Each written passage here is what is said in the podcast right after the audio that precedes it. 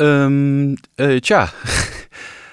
ja, nou zit ik toch ineens wel een beetje met mijn, met mijn bek vol tanden. Wacht even. Eh, hoe... Ja, nou, hoe begin je nou een aflevering over het begin? wat, wat een onhandig probleem. Meestal begin ik gewoon met een kort verhaaltje of, of een anekdote of een vraag. Want dan heb je een beginnetje en, en dan kun je verder. Maar nu... Dames en heren, welkom bij Luisterruit, de NS-podcast voor in de trein. Met mooie verhalen over één thema maken wij van jouw ritje in de trein een reis. Inderdaad. Welkom bij Luisterruit, de podcast voor in de trein. Of voor op de fiets als je even niet in de trein zit, of voor in de keuken. Uh, dit is de eerste aflevering van het tweede seizoen en ik ben Thijs. En zoals je misschien intussen wel gewend bent, uh, begin ik altijd. Ik reis met je mee door uh, Luisteruit en ja, dat gaat me normaal altijd ja, heel oké af, maar nu zit ik toch wel een beetje in de knel. Maar goed, als je maar gewoon begint met praten, dan, dan zeg je altijd wel iets, toch? Ik weet dat het allereerste wat ik ooit zei, dat dat het woordje bah was. Dat vertelde mijn moeder later. Dat zei ik dus de hele tijd.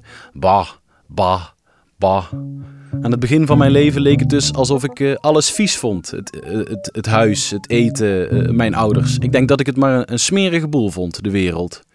Gelukkig leerde ik later dan ook nog lekker en fijn.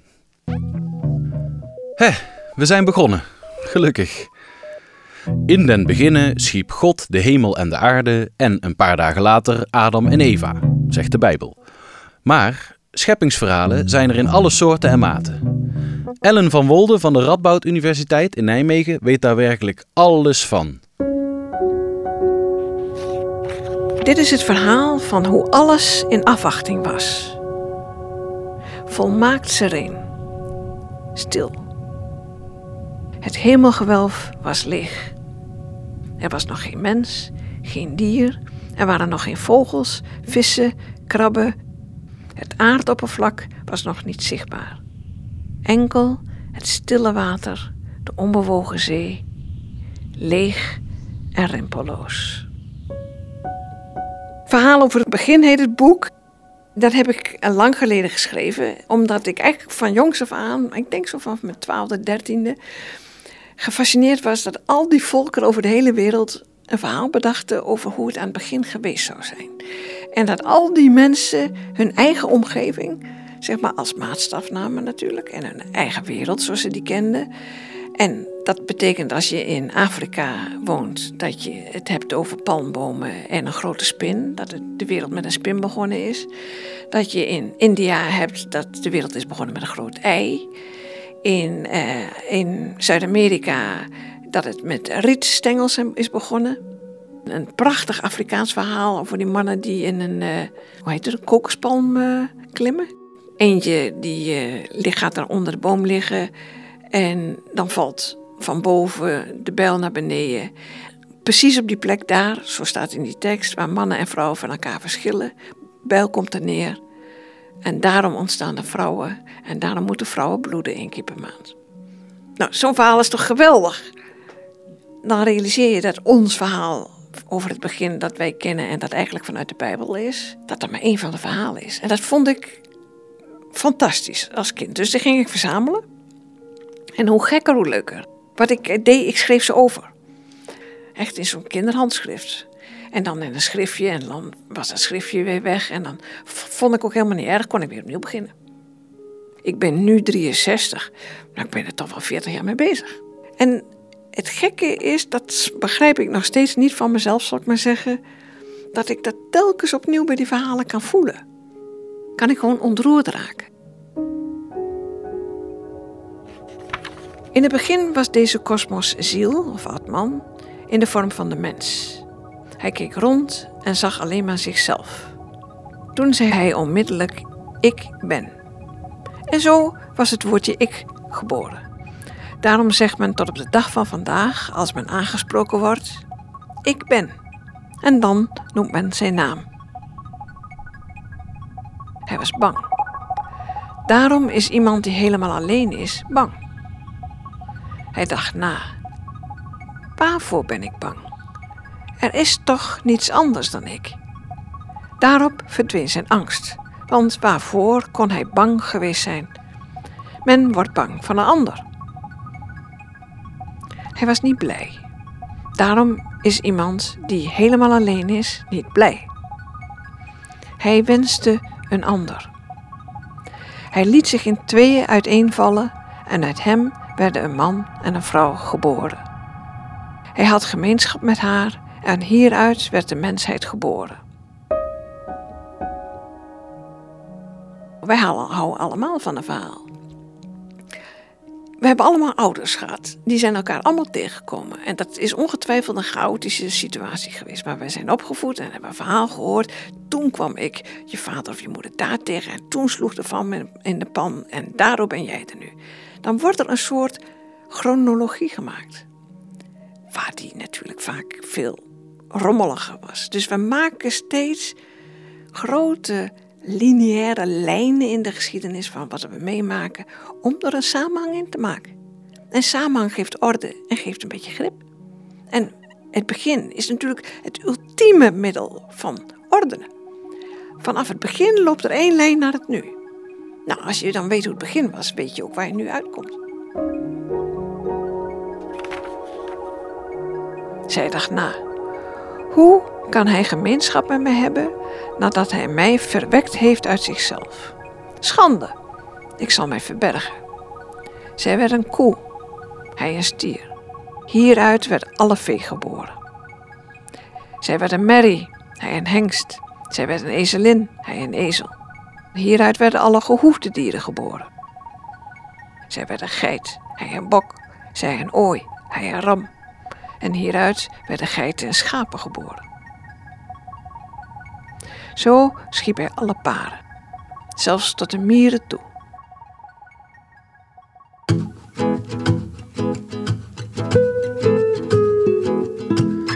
Vandaag is de eerste dag van de rest van je leven. Ken je die uitspraak? Zo'n zo'n tegeltje aan de muur. Je wordt wakker bij het ochtendkrieken, je veert op uit je bed, wrijft in je handen en, en wat gaan we doen? Toch? Of ben je meer zoals Babette? Voor één keer in haar leven nam ze de allereerste trein van Amsterdam naar Maastricht om te onderzoeken waarom sommige mensen zo vroeg aan hun dag beginnen.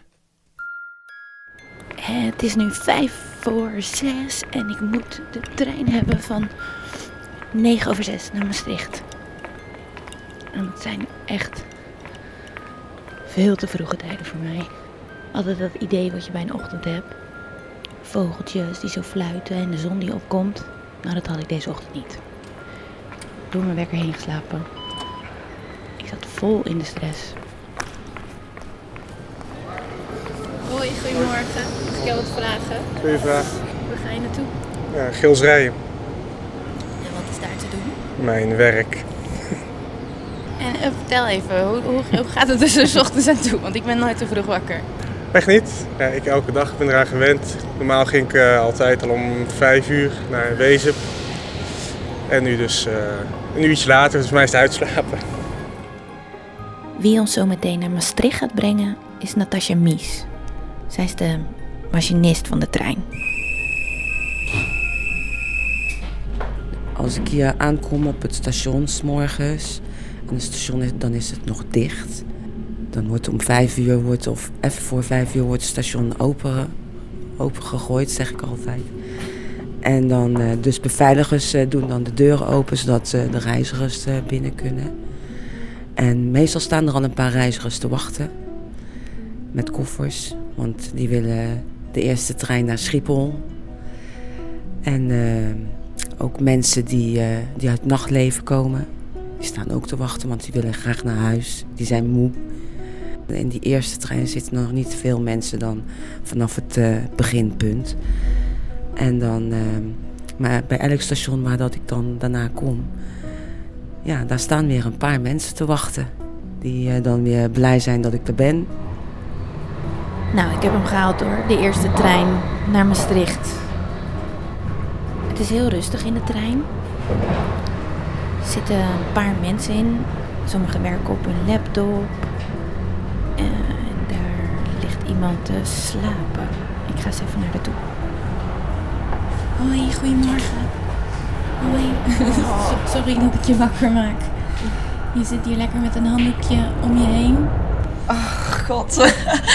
Hoi, goedemorgen. Goedemorgen. Heb je een hele nacht moeten doorbrengen op het station? Nou, de treinen reden gisteravond niet. Dus, eh, dus nu is morgens de eerste trein weer terug naar huis. Oh, heftig. Ja, een beetje wel, ja. Ja. Wat heb je gisteravond gedaan? Lekker terrassen op Neuden. Ja. Moet je vandaag weer werken? Nee, gelukkig niet. Kapperafspraak. Wat het is, ik heb een tentamen in de ochtend rond 9 uur. En de reistijd is ongeveer 2 uur. En ik, rij zo vroeg, ik neem zo vroeg de trein in ieder geval. Zodat ik eh, de kans op vertraging met de trein of wat dan ook zo, zoveel mogelijk minimaliseer. Anders zou ik uitslapen natuurlijk.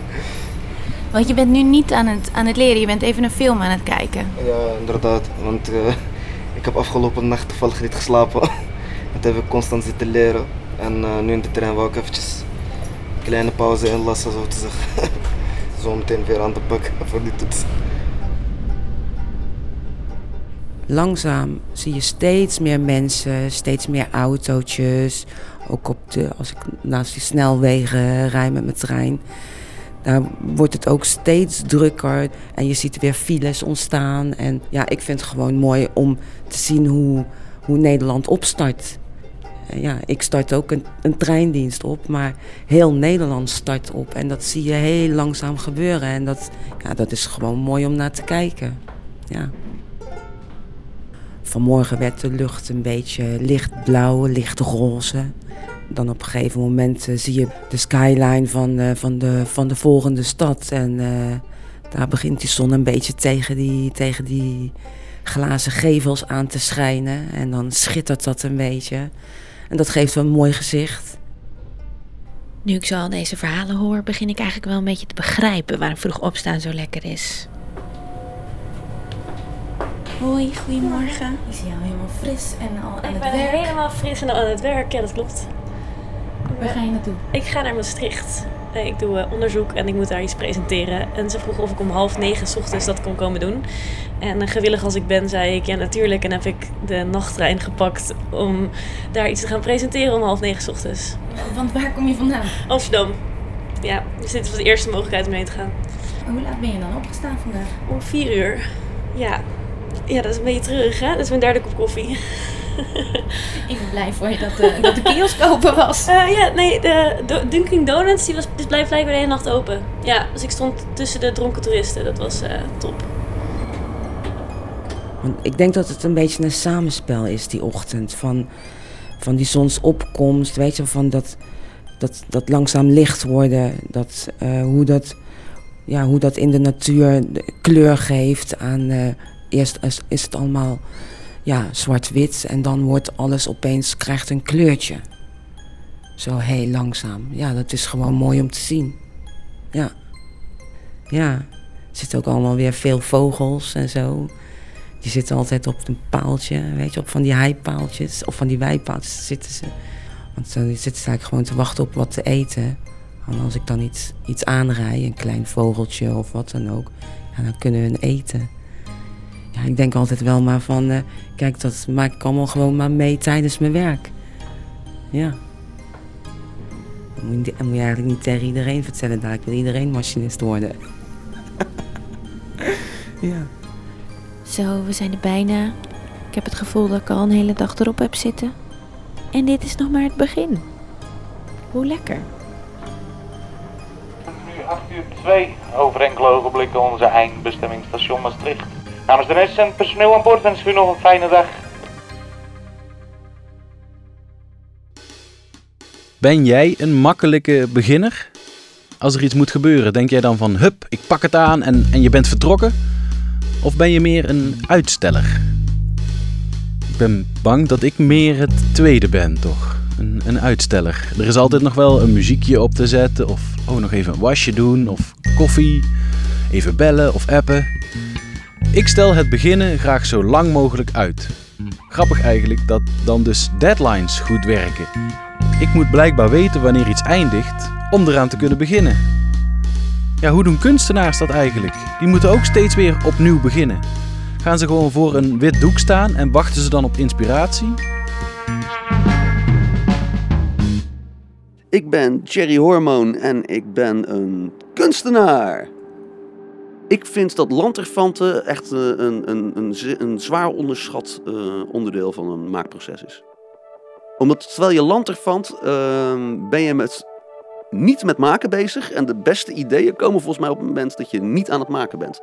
Op een gegeven moment sta je met een tube tandpasta in je handen. En dan denk je, god, als ik één letter zou veranderen, hoe zou dat eruit zien? Nou, dan eerst photoshop je dat. Maar dan denk je, ik kan dit ook nog veel duurder aanpakken. Ik kan ook gewoon een tuba kopen en, en, en heel veel tubes tandpasta.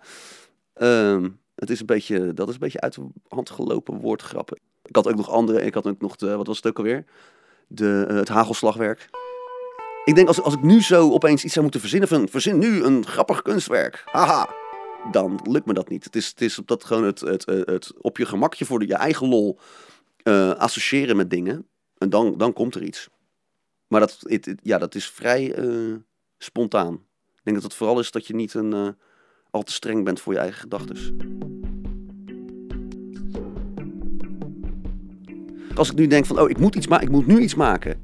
Of verzinnen wat jou aanspreekt. eh, wat jij goed vindt. Dat, dan opeens zit er heel veel stress omheen. Weet je wel, heel veel mensen zijn denken als ze maken. Zijn ze met of alleen het eindproduct bezig. Met het plaatje van wat het dan uiteindelijk zou moeten zijn. Of, en dat is, dat, dan doe je het helemaal voor de verkeerde reden wat mij betreft, voor eh, dat, dat mensen gaan klappen voor je. Dat je kan niet tegelijkertijd schrijver en recensent zijn. Je moet eerst schrijven en daarna moet je je eigen eh, eh, werk moet je bekritiseren en kijken wat er beter kan, wat slecht is, wat goed is. Maar dat moet je niet tegelijkertijd doen. Nou, dan komt er geen woord meer uit je pen. Dan is het natuurlijk op een gegeven moment, dan heb, dan heb je wat geschreven. Dan denk je, oh, dit, dit, dit, dan, dit moet anders. Dit is, nou, dit is niet goed hoor. Dit is niet goed. Nou, voor je, voor je het weet, dan, dan, dan, dan, dan, dan, dan ligt je laptop in de hoek van de kamer. eh, met, een, met een barstende beeldscherm. En dan lig je, lig, je, lig je te huilen in je bedje. Ja, hoe schakel je dat uit? Ehm, misschien door jezelf niet al te serieus te nemen. Je moet je werk wel serieus nemen, maar jezelf moet je niet al te serieus nemen. Je hoeft niet op het moment dat je aan het schrijven bent, je eerste versie hoeft niet eh, de avonden van Gerard Reven te zijn. Dit hoeft niet. Dat is misschien over, nou, sterker nog, dat, dat haal je ook na, na zeven redactierondes haal je dat nog steeds niet. Maar, ehm, nou, wees gewoon een beetje eerlijk tegen jezelf, over jezelf. Kijk naar binnen, kijk eens goed naar jezelf en zie dan dat je ook maar gewoon loopt aan te kloten. Ik denk op het moment dat je geen idee hebt en je gaat voor een wit vel staan, dan ben je al, volgens mij ben je dan al, eh, dan ben je te snel voor het witte vel gaan staan. Nou, je wil, wat, je wil wat maken, dat snap ik wel, want je wil wat maken, want je moet, je moet ook wat verkopen. Hè? Het is niet alleen maar voor voor lol, natuurlijk ook, je wil er ook een beetje geld aan verdienen. Je wil dat mensen voor je klappen en zo. Allemaal dat soort ja, dingen die eigenlijk niet zo heel veel te maken hebben met het ding zelf. Eh, het ding maken aan zich, niet met je, met je maakdrift.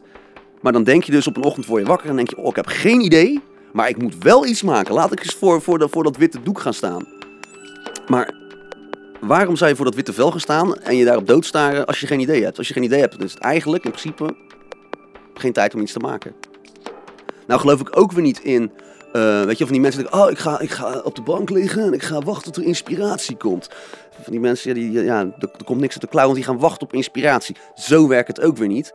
Bij mij werkt het gewoon met onder de douche staan of een stukje fietsen. Of eh, als je, als je, eh, het moment dat je het minst bezig bent met een idee maken, komt er een idee.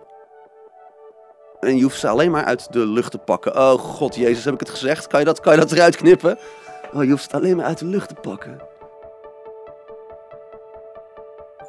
Bedenk ook dat als je kunstenaar wil zijn, of kunst of schrijver of whatever, als jij precies datgene leest wat iedereen leest, als je, laten we even zeggen, als jij RTL 4 kijkt, Sky Radio luistert en eh, alleen maar het NOS-journaal ziet, en noem nog eens wat, eh, als alles super doorsnee is, en je stopt dus hetzelfde in je hoofd als 80% van de andere mensen, is de kans dat daar iets heel bijzonders uitkomt niet zo heel groot.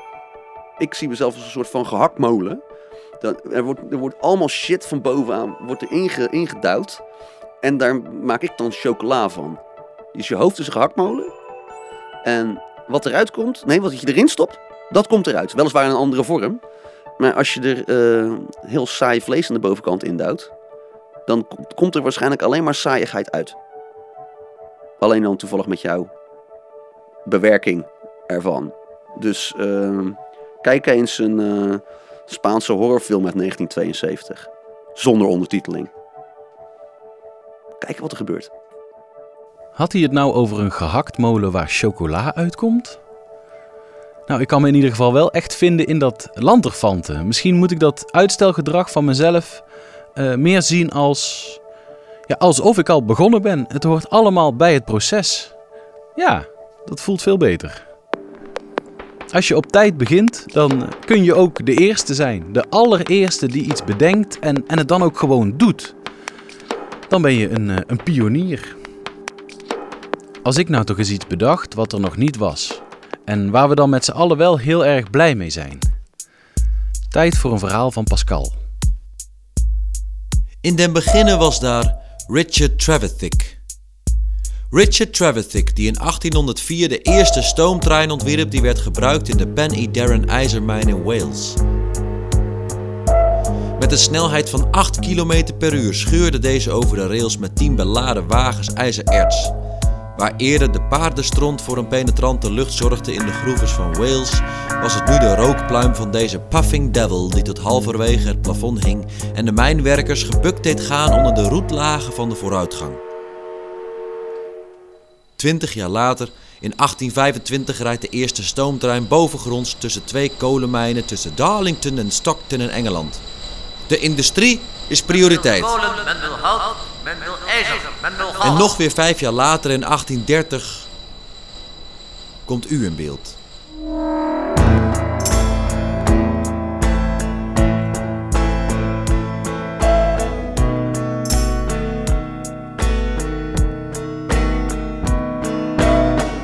Dan rijden de eerste passagiers mee met deze stomende, brullende stalen kolos op wielen die een ongekende snelheid haalde van 50 km per uur.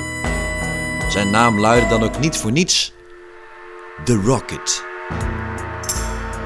De bekrompen conservatieve verstokte Nederlandse staat had het lange tijd maar aangekeken. Normaal is immers al gek genoeg en waarom zou je een werkende kar met paard vervangen door een locomotief op kolen die je uren werk bespaart? Maar na tien jaar ging men overstag en daar lag hij dan, het eerste spoorlijntje van ons land, tussen Haarlem en Amsterdam. En de namen van de locomotieven zijn kenmerkend. De Arend, de Leeuw, de Snelheid en de Hoop. Spijtig dat de Hoop als eerste de moed liet zakken en het een paar jaar later begaf. Zijn onderdelen moest hij afstaan aan de snelheid die er als een speer mee vandoor ging. En nu 180 jaar later zien we de velden, bossen en boerderijen aan ons voorbij schieten, alsof we naar een reisdocumentaire kijken over het Nederlandse landschap. We zien de vervallen schuren van de boeren, de hoge hekken die rond ieder bos geplaatst zijn, de lege velden waar koeien of schapen zouden kunnen staan, de scooters die op je moeten wachten bij de spoorwegovergang, fietsende gastrajassen, dikke wielrenners, flatgebouwen vol flikkerende lichten van tv-toestellen en je ruikt de geur van koffie uit de stationsautomaat door de hele trein. En iedere 10 minuten vertraging is een doorn in ons oog. Enschede Amsterdam is bijna twee uur rijden. Dat zijn afstanden die wij ons niet dagelijks kunnen veroorloven. Zo verwend. Zo paranoia. Mijn god, wat gaan we hard. En er wordt continu gewerkt om nog harder te gaan. Je rijdt tegenwoordig in een paar uur naar Parijs en nog een paar uur later ben je in Marseille. Dat kan allemaal. Maar alleen omdat er anderen zijn geweest die zich te streamen op hun rug en een bronchitis op hun longen werkten. Omdat er mensen zijn geweest die vooruit wilden, tegen de stroom in. Mensen zoals Richard. En Richard was een pionier. Een strijder van de vooruitgang die zichzelf naar een financiële afgrond zwoegde, failliet werd verklaard, bijna stieren van tyfus, die in de stroom der vooruitgang werd gedreven door de stoom en zich in delirium zou hebben geschrokken van de rotvaart waarmee we nu over de Bielse knallen. 1804. Toen de trein nog netjes stapvoets reed, piepte als nagels op een schoolbord. De stad versierde met zwarte rookwolken, traag en stroperig op gang kwam, die kolossale, beangstigende machine. Die neus van staal die ons land doorpriemde en een halve dag nodig had van Amsterdam naar Enschede. Dat grote, logge beest. Ontstaan in de geest van pioniers die het waagden om het ondenkbare mogelijk te maken. die zich voor ons kapot zwoegde. Als ik mijn ogen dicht doe en meedij met het zachte geruis en gewiebel van deze trein, dan waan ik mij in de geschiedenis. Voel de houten zitting onder je billen. Ruik de stooklucht van kolen. En zie traag het landschap aan je voorbij trekken.